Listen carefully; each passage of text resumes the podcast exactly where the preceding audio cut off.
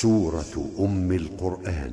ومالك يوم الدين راويه ناصر وعند الصراط والصراط لقنبلا بحيث آتى والصاد زايا أشماها لدى خالف واشمم لخلاد الأولا عليهم إليهم حمزة ولديهم جميعا بضم الهاء وقفا. وموصلا وصل ضم ميم الجمع قبل محرك دركا وقالون بتخييره جلا. ومن قبل همز القطع صلها لورشهم وأسكانها الباقون بعد لتكملا. ومن دون وصل ضمها قبل ساكن لكل وبعد الهاء كسر